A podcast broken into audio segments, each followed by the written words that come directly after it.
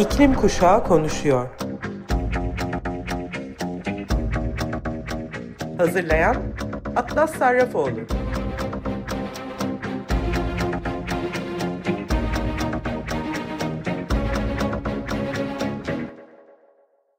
İklim Kuşağı Konuşuyor programına hoş geldiniz. İklim aktivistleri bir sonraki küresel iklim grevi tarihine 24 Eylül 2021 olarak belirledi. Geçtiğimiz sene içinde sokaklarda küresel eylemler yapılmamıştı. Pandemiden dolayı tekrar kapanma yaşanmayacağını umarak biz de tekrar sokaklara geri dönme heyecanıyla bekliyoruz. Bu eylemlerde talep edilenler için de bir mektup hazırlandı. Küresel eylemler bu kez iklim krizinden en çok etkilenenler için yapılacak. Youth for Climate bu mektubu sizin için tercüme etti. Ben de size buradan iletmek istiyorum. Bir iklim krizinin, türlerin kitlesel yok oluşunun, bir dünya sağlık salgınının, sosyoekonomik eşitsizliklerin krizlerinin ve daha fazlasının tam ortasındayız. Mevcut sistem küresel güneyden insanları az gelişmiş, fakir ve sessiz olarak tasvir eden, ırkçı ve beyaz kurtarıcı bir anlatı üzerinden en ayrıcalıklıların seslerini aktif olarak vurgulamaya çalışmaktadır. Küresel kuzeyin sanayileşmiş ülkeleri bunu yüzyıllardır sömürgecilik, emperyalizm, sistematik adaletsizliklerin sürdürülmesi ve sonsuz büyüme saplantısı yoluyla yapıyorlar. Bununla birlikte küresel güneyden veya en çok etkilenen bölgelerden insanlar az gelişmiş, fakir veya sessiz değiller. Aktif olarak susturulurken kolonizasyon ve yeni kolonizasyonun sonuçlarıyla mücadele ediyorlar. Yüzyıllardır bu krizlerin temel nedenini yani küresel kuzeyin en zenginleri tarafından yaratılan baskı ve adaletsizlik sistemleriyle mücadele ettikleri ve ele aldıkları için güçlü, korkusuz ve bilinçliler. İklim krizinden en çok etkilenen ülkeler aynı zamanda Covid-19 pandemisinden en çok etkilenen ülkeler arasında yer alıyor. Küresel kuzeyin ayrıcalıkları pandemiyi ele almak için kaynaklara daha iyi erişebilirken MAPA en çok etkilenen halklar ve bölgeler sağlık krizinin çözümü için gerekli olan bu kaynaklardan sistematik olarak yoksun bırakıldı. Salgın uzun süredir devam eden diğer siyasi ve sosyoekonomik sorunların yanı sıra Covid-19 aşı teknolojileri üzerindeki fikri mülkiyet kısıtlamalarının askıya alınmasını içerir. Çünkü bu kısıtlamalar üretime etkin bir şekilde küresel kuzey üreticileriyle sınırlandırır ve dolayısıyla MAPA'nın çok ihtiyaç duyulan aşılara erişimini sınırlar. Küresel kuzey tarafından aşı istifi gibi diğer uygulamalar derhal durdurulmalı ve fazla aşılar hiçbir koşula bağlı olmaksızın MAPA'ya ücretsiz olarak dağıtılmalıdır. İklim krizi insan güvenliği için doğrudan bir tehdit oluşturuyor. Daha geçen yıl 2020'de iklim felaketleri 30 milyon kişinin kendi ülkeleri içinde yerinden edilmelerine neden oldu. Ancak uluslararası hukukta iklim mülteciler hala mülteci olarak görülmüyor. Mülteci hakları açısından önemli bir hukuki belge olan 1951 Mülteci Sözleşmesi'nde iklimle ilgili nedenlere hiçbir şekilde değinilmemesi, aşırı hava olayları nedeniyle ülkelerinden kaçan kişilerin başka bir ülkeye sığınmalarını engellemektir. Bu mevcut sistemin yasal olarak bile karşı karşıya olduğumuz iklim acil durumuna hazırlıksızlığını gösteriyor. Ek olarak bugün gördüğümüz iklim mültecileri yalnızca iklim krizinden değil aynı zamanda küresel kuzey ülkelerinin sömürgeciliğinden en çok etkilenen bölgelerden geliyor. Bu nedenle iklim mültecileri ülkelerinden kaçmadan önce zaten yaşamı tehdit edilen zorluklarla karşı karşıya kalmışlar.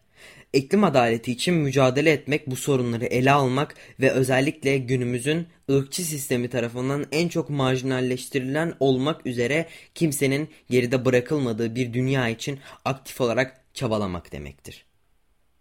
Yüzyıllardır doğaya ve doğal kaynaklara güvenen yerli halklar iklim değişikliğinden ve ormansızlaştırmayı teşvik etmek ve doğal dünyayı yok etmek için topraklarını çalan ve kültürlerini yok eden fosil yakıt endüstrisi tarafından büyük ölçüde etkileniyor ve tehdit ediliyor. İklim ve biyoçeşitlilik krizi yerel bitki örtüsünün ve hayvanların benzeri görülmemiş bir şekilde yok olmasına ve tüm ekosistemlerin yok olmasına yol açıyor. Dünyadaki bitki türlerinin yaklaşık %40'ı çoğunlukla fosil yakıtların kullanılması ve yakılmasının sonucu olan antropojenik karbon emisyonları nedeniyle şu anda yok olma riski altındadır. Küresel karbon emisyonları şu anda ormansızlaşmanın yaklaşık %10'undan sorumludur. İklim adaletini sağlamak için çevre talanını uluslararası bir suç haline getirerek doğal dünyayı şirketlerin ve hükümetlerin açgözlülüğünden korumalıyız. Bunu yapabilmek için küresel biyoçeşitliliğin %80'inden fazlasını koruyan yerli halkların yanında yer almalı ve toprak, kaynaklar ve yaşam hakları için mücadelede birleşmeliyiz. Küresel kuzey tarihsel emisyonların yaklaşık %92'sinden sorumludur. Ve bu da bu bölgeyi bugün karşı karşıya olduğumuz iklim ve çevre krizlerine en büyük katkı yapan bölge yapmaktadır. MAPA ülkelerinde insanların ve kaynakların tarihsel olarak sömürülmesi bizi benzeri görülmemiş küresel ısıtmaya, ekosistemlerin çöküşüne ve büyük eşitsizliklere götürdü. Çünkü en çok etkilenen bölgelerdeki en çok etkilenen insanlar zaten artan kuraklık, sel, toprak kayması, ölümcül sıcak dalgaları, açlık, evsizlik, hastalıklar ve daha fazlasından muzdarip. Buna ek olarak birçok net sıfır yolu yeniden ağaçlandırma için büyük miktarda alan gerektirdiğinden arazi yoksunluğu gibi yerel nüfus için riskli yan etkiler içerirken sadece şirketlerin ve hükümetlerin emisyonları azaltma konusundaki sorumlulukları ile yüzleşmek zorunda kalmadan etkinliği geniş çapta sorgulanan karbon giderme projeleri için ödeme yapılmasına izin veriyor dünya liderlerinin ortaya attığı belirsiz net sıfır planlarına değil, yol haritaları ve kilometre taşları içeren somut planlara ve ayrıntılı yıllık karbon bütçelerine ihtiyacımız var. Son araştırmalar en zengin %1'in ekonomik olarak en marjinalleştirilmiş %50'nin iki katından fazla emisyona sahip olduğunu göstermişler. İklim ve çevre krizlerinin en kötü etkilerinden kaçınmak istiyorsak emisyonlarımızı büyük ölçüde azaltmalıyız. Bu da fosil yakıtları elden çıkarmak ve özellikle küresel kuzeyden çıkarılmasına, yakılmasına ve kullanılmasına son vermek anlamına gelir. İklim krizini ele almanın ayrılmaz bir adımı dünyadaki finansal akışların yeniden tasavvur edilmesidir. İklim finansmanı ile ilgili herhangi bir tartışma, küresel kuzeyin hem iklim krizinin getirdiği süre gelen etkilerinden hem de MAPA ülkelerinin tarihsel ve mevcut sistemik yağmalarından kaynaklanan MAPA'ya olan borcunu kabul etmesiyle başlar. Küresel kuzey endüstrilerinin net sıfır hedeflerine ulaşmak için yeşil denkleştirmeleri finanse etmesi yeterli değildir. MAPA'ya olan iklim borçları ön safhalardaki topluluklar tarafından tanımlanan ve yönetilen azaltma ve uyum girişimlerine yönelik tazminatlar ve zorunlu destek yoluyla geri ödenmelidir. Ek olarak çoğunlukla küresel kuzeyden gelen en kötü kirleticiler vergilendirilmeli ve hükümetlerden ve finans kurumlarından fosil yakıt endüstrisine nakit akışları yeşil ve adil bir geçişe yönlendirilmelidir. Tazminatlar başlangıçta ırksal adalet hareketi tarafından talep edildi ve bu nedenle biri olmadan diğeri var olamaz. İklim onarımları, iklim krizinden daha büyük sorumluluğu olanların iklim değişikliğinin etkilerinden kaynaklanan geçim kaynakları, altyapı ve toplulukların yaşamlarındaki zarar ve kayıpları için MAPA'ya tazminat ödemesi gerektiğini ima ediyor. Adaptasyon fonlarına odaklanmak ve MAPA ülkelerinin borçlarını iptal etmekle başlayan tazminatların nasıl kullanılacağına MAPA'nın karar vermesine izin vermek, küresel kuzey ülkelerinin küresel güney ülkelerine neden olduğu zararı ve travma için borçlarını ödemek için yapması gereken asgari şeydir. Dünyanın iklim krizinin sosyal etkilerini görmezden gelmeye devam etmesine izin veremeyiz. Çünkü iklim ve çevresel koşullar yerel toplulukları etkilediğinde ve çoğunlukla BIPOC, LGBTQ ve etnik azınlıklar gibi zaten marjinalleşmiş toplulukları vurduğunda tüm sosyal eşitsizlikler daha da kötüleşebiliyor. Birleşmeli, savunucuların ve işçilerin liderliğini takip etmeli, mapa seslerini yükseltmeli ve küresel kuzey temsilcilerinden daha iddialı eylemler talep etmeliyiz. Özgürlüklerimiz birbirine bağlı olduğu için kimsenin geride bırakılmadığı adil bir gelecek için birlikte savaşacağız. Kolektif eylemin tarihsel zaferleri gençliğin herkes için daha iyi bir gelecek için çok sektörlü, nesiller arası mücadelede birlik içinde durma ihtiyacını kanıtladı. İnsanların ve gezegenin kardan daha öncelikli olduğu bir gelecek için. Youth for Climate Türkiye olarak okulu iklim öğret kampanyamız oldukça imza topladı ve güzel bir haber bu. Konuyla ilgili konuşmak için sürdürülebilirlik için eğitim araştırmacısı Doktor Şebnem Feriver Gezer'i programıma konuk olarak davet ettim. Şebnem Hanım, sorularımı bir kere de sormak ve sözü size bırakmak istiyorum. İklim krizini eğitime nasıl dahil edebiliriz? İklim krizinin çocuklara korku vermeden sistemi değiştirerek nasıl yapabiliriz? Bunu yapabilir miyiz? Nelere dikkat edilmeli? Nasıl yapılmalı? Fikirleriniz bizim için çok değerli. Mikrofon sizde. Tamam Atlas çok teşekkürler davet için öncelikle. Ee, bizi buluşturan arkadaşımız Burcu Meltem Ar'a da teşekkür edeyim bu vesileyle. Ben kısaca kendimi tanıtayım. Ee, ben e, aslında e, lisans eğitimi siyaset bilimi uluslararası ilişkiler üzerine aldım ama 2000'li yılların e, başlarında e, gönüllü çalışmalar içinde yer aldığım e, sebeple e, eğitim üzerine düşünmeye başladım. Sürdürülebilirlik için eğitim alanıyla tanıştım. E, bu sebepten dolayı e, erken çocukluk eğitimi üzerine odaklanmak istedim. Yüksek lisansımı ve doktoramı erken çocukluk eğitimi üzerine yaptım. E, bunun bir kısmını da doktorun bir kısmını da Almanya'da e, Lübnan Üniversitesi'nde Sürdürülebilirlik Fakültesi'nde e, tam çalıştığım alan üzerinde gerçekleştirdim. E, e Burcu'yla da tanışma vesilemiz olan e, 2005 yılında yürüttüğüm Yeşil Kutu projesiyle de çevre eğitimi, sürdürülebilirlik, sürdürülebilir kalkınma için eğitim alanlarında bir fiil e, çalışmalar gerçekleştirdim.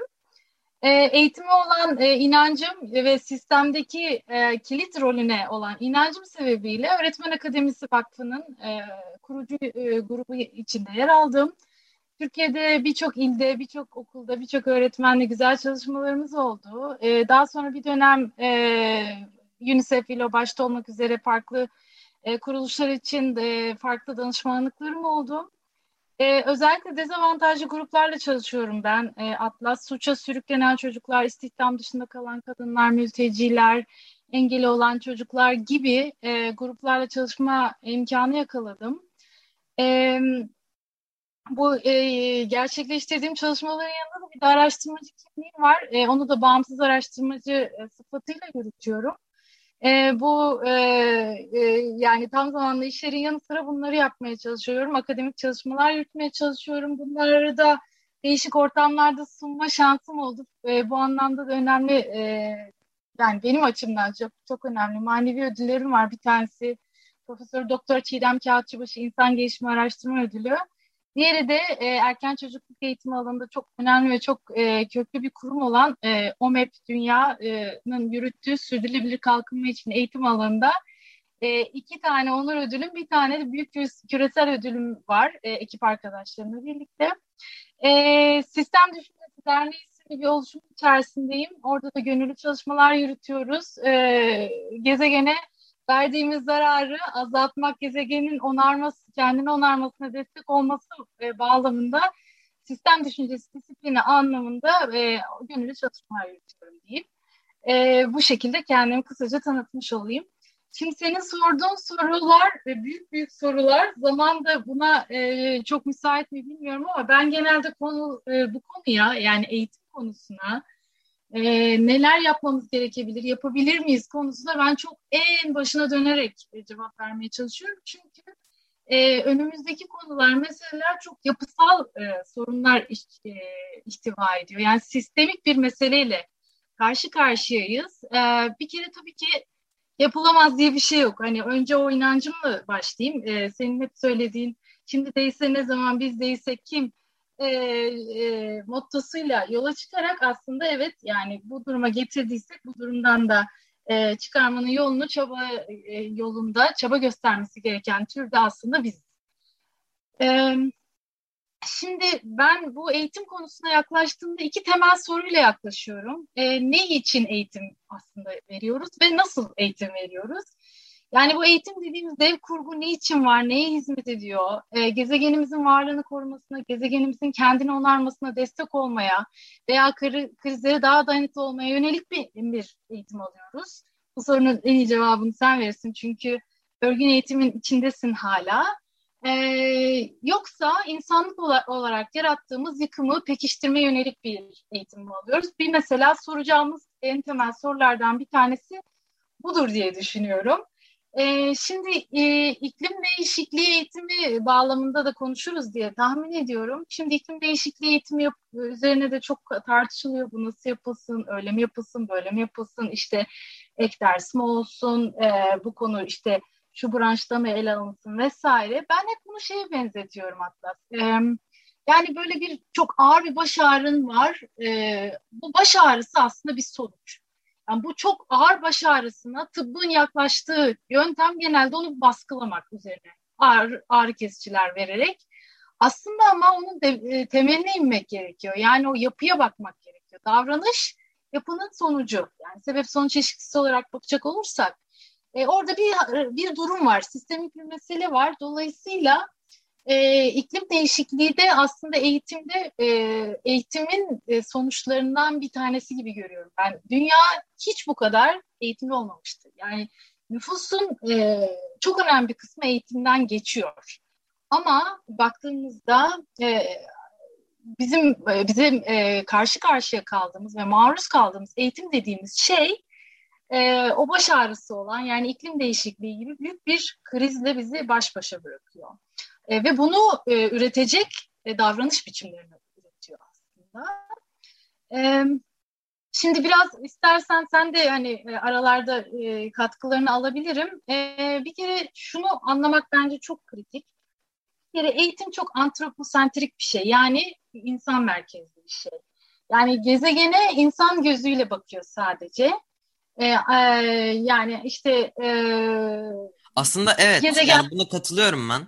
Ee, insanlık e, kendini sanki zincirin en üstündeki en e, üstün en yüce varlıkmış gibi düşünüyor. Aha. Fakat aslında bazen doğayla e, hani baktığım zaman doğayla ne kadar koptuğumuzu, ne kadar unuttuğumuzu, nereden geldiğimizi e, fark ediyorum. Hani biz de aslında doğanın bir parçasıyız. Bütün yaşayan bitkiler, canlılar, bütün yaşayan varlıklar aslında doğanın bir parçası.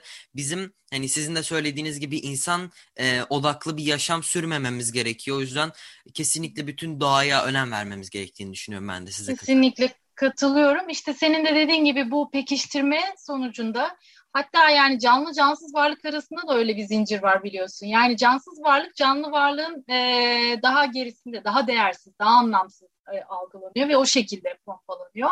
Halbuki işte cansız varlıkların da bu gezegenin kendini sürdürme anlamında bir fonksiyonu var.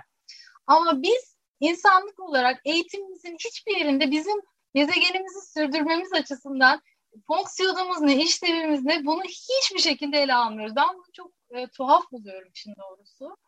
E, ayrıca bir de şunları yapıyoruz. Yani e, mesela çocukları bir ekonomik unsur olarak görüyoruz. Yani mesela sen şimdi bir şey, iş gücüne katılma adayı olarak yetiştiriliyorsun.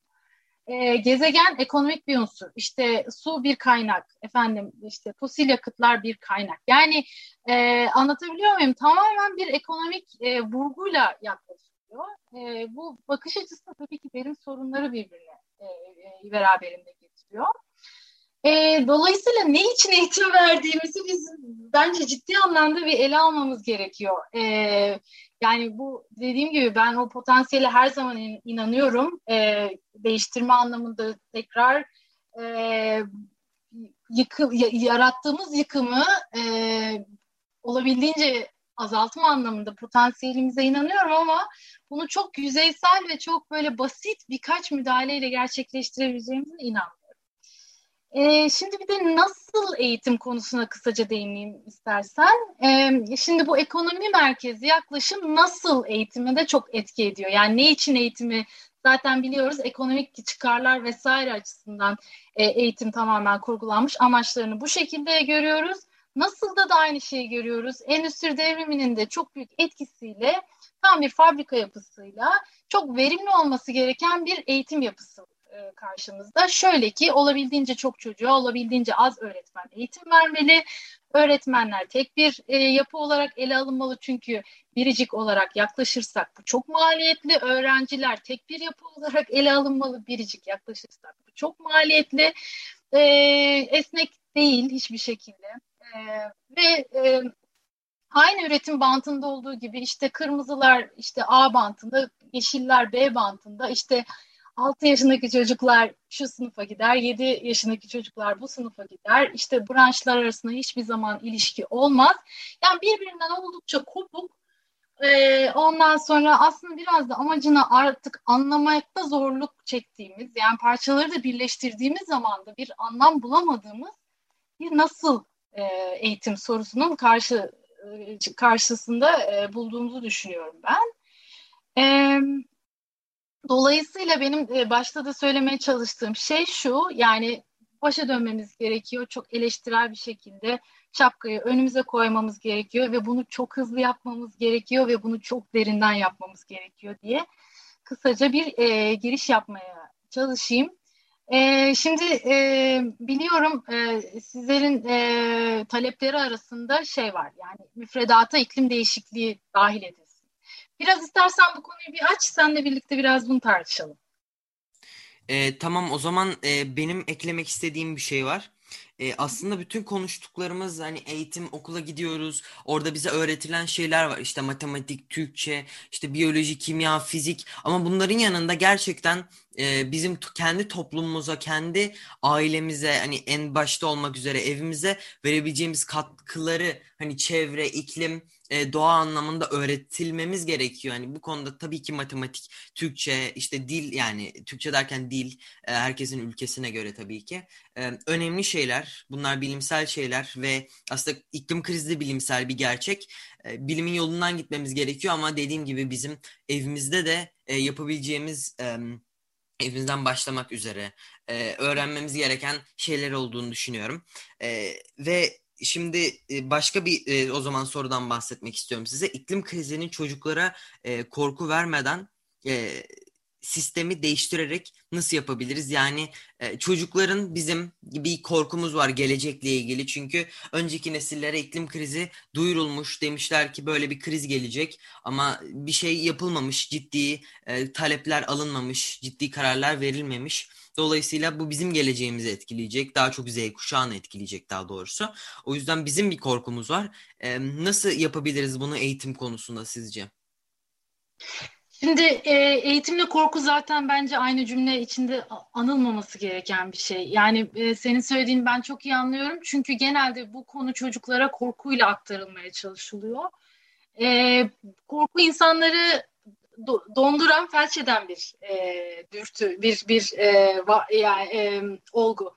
Dolayısıyla e, çocuk çocuğun çocuk açısından da aslında çocuğun üstün yararını zedeleyebilecek de bir e, olgu. E, bence korku ve bu çok büyük kriz senaryoları üzerinden özellikle küçük yaş grubundaki çocuklarla çalışma yapılmaması bence daha anlamlı. Yaş ilerledikçe işte lise ve ondan sonraki çağdan sonra yani bunun gerçekten bir kriz olduğu ve ona göre bir e, müdahale gerektirdiğini ele almak anlamlı olabilir. E, e, şimdi senin yani soruna cevabım benim böyle çok reçete tarzı cevap veremiyorum. Çünkü çok büyük ve karmaşık bir sorunla karşı karşıyayız. E, e, yani iklim değişikliğinin gerçekten e, ele alınmasını sağlayacak şeylerden bir tanesi bence bilimsel düşünmeyi nin kıymetini bir kere anlamak. Yani sen de az önce söyledin bu kadar e, bilim dünyasının çok e, uzun bir süredir net bir şekilde söylediği bir şeyi insanlık takip edemiyor. O zaman biz eğitimde ne yapıyoruz sorusu da benim her zaman aklıma gelen sorulardan bir tanesi. Ee, yani iklim bu arada yani bilim bilim dünyasının en fazla mesai harcadığı alanlardan disiplinlerden de bir tanesi. Buna rağmen e, bu işin bir türlü e, hal yoluna sokulamaması yani bilimin gösterdiği yoldan insanların e, gidemiyor olması bu kadar eğitimli bir dünyadan bahsediyoruz. Bence e, ciddi anlamda ele alınması gereken bir şey. E, burada da aslında iklim değişikliği zaten çok karmaşık bir problem. Bir de insanlığın e, başka sınırlılıklarını da e, bizim bence yüzümüze yüzümüze çarpan bir mesele. Biz e, karmaşık sorunları olabildiğince basitleştirmeye çalışıyoruz. Kısa erimli düşünüyoruz. Uzun, kısa kazanç, kısa erimli kazançlar için uzun e, erimli varoluşu mesela tehlike altına sokmayı başarmış bir türüz. Yani bu bence çok e, yani akıllara durgun verecek, durgunluk verecek bir şey. Bence öncelikle bu sınırlılıklarımızı bir anlamamız lazım insanlık olarak. Gezegenin çok çok iyi bir öğretmen olduğunu bence bunu da anlamamız gerekiyor. 4,5 milyar yıldır var olan bir mekanizma dışarıdan hiçbir şekilde bir müdahale ihtiyaç duymaksızın e, büyük bir bolluk içerisinde ve büyük bir e, çeşitlilik içerisinde kendini sürdürme kapasitesi olan bir mekanizma. Biz bunun çok çok çok çok çok sonrasında var olmuşuz ve hani sanki her şeyi biliyormuşuz gibi davranıyoruz. E, o bakımdan gezegenden bence çok çok çok fazla şey öğrenebiliriz o gözle baktığımızda tabii ki. Ee, bir de senin anlattığın bu işte branşlar vesaire dersler falan. Şimdi eğitimin bence küresel tartışmalarından bir tanesi bu zaten. Ee, gerçek hayatla bağlantısı çok zayıf. Yani sen de görüyorsun işte o defterde, kitapta yazılan, çizilen, yapılan e, işlemlerin gerçek hayatta karşılığı çok e, sınırlı. Ve bu e, şey bağlantısızlık diyeyim ben e, bence çok büyük bir problem yaratıyor. Bu kadar büyük bir nüfus eğitimin içinde e, gerçek hayatta olmayan şeylerle uğraşıyor. Müfredatlar çok kalabalıklaştı. Bu da küresel olarak ele alınan şeylerden bir tanesi. Ülkemize de geldiğimizde baktığımızda aynı şeyleri görüyoruz. Öğretmenler bunlar hep bilimsel olarak da kanıtlanan argümanlar. Bir, müfredatı çok kalabalık buluyorlar. İki, kazanımları e, yeterli veya yani kendileri değiştirmek istiyorlar. Diyorlar ki ben daha fazla kazanım eklemek istiyorum veya ben bunları çıkartmak istiyorum diyorlar. Ama e, tek tip müfredat yaklaşımında bu da çok mümkün olmuyor. Branşlar arasında hiçbir bağlantı yok. Yani senin mesela e, matematikte öğrendiğin e, bilgi beceriyi e, Türkçe'de kullanman çok mümkün değil. Ama mesela iklim değişikliği üzerinden yaklaştığımızda çok karmaşık ve çok boyutlu bir problem olduğu için mesela bunun üzerinden toplumsal cinsiyet eşitliğini alırsın, ekonomiyi ele alırsın, matematik çalışırsın, kültürleri ele alınır, alırsın. Yani böyle hani çok çok başka bir perspektifle yaklaşmak mümkünken biz daha böyle daha sığ, daha parçacıl bir e, ve indirgemeci bir e, yaklaşımla bir şeyler yapmaya çalışıyoruz ve aslında çok da e, büyük bir vakit kaybettiğimizi düşünüyorum. Özellikle önümüzdeki e, krizleri de düşündüğümüzde. Aslında ee, bir e, Hı, şey e, yavaş yavaş bitirmek de istiyorum bir yandan süremizin de sonuna geliyoruz çünkü. E, aslında benim söylemek istediğim son e, şey bitirmeden önce benim gerçekten öğretmenlerim ve okul konusunda aslında e, iklim değişikliği okul sayfalarında şu anda okul kitaplarında bir sayfada anlatılıp geçilen bir konu ama aslında geleceğimizde ve hatta şu anda bile yaşadığımız etkileriyle insanlığın karşı karşıya olduğu en büyük varoluşsal kriz. Dolayısıyla e, gerçekten e, iklim krizinin müfredatı artık e, dahil edilmesi ciddi bir şekilde aynı zamanda bunun yanında da kararların alınmasını tekrar e, söylemek istiyorum. E, size de gerçekten e, değerli fikirlerinizi bizimle paylaştığınız için çok teşekkür etme e, çok teşekkür etmek istiyorum. Bugün e, konuğum olduğunuz için tekrar çok teşekkürler. Çok teşekkürler Atlas ağırladığın için. Görüşmek üzere. Görüşmek üzere. Bugün de İklim Kuşağı Konuşuyor programının sonuna geldik. Haftaya yine Cuma günü saat 2'de görüşmek üzere.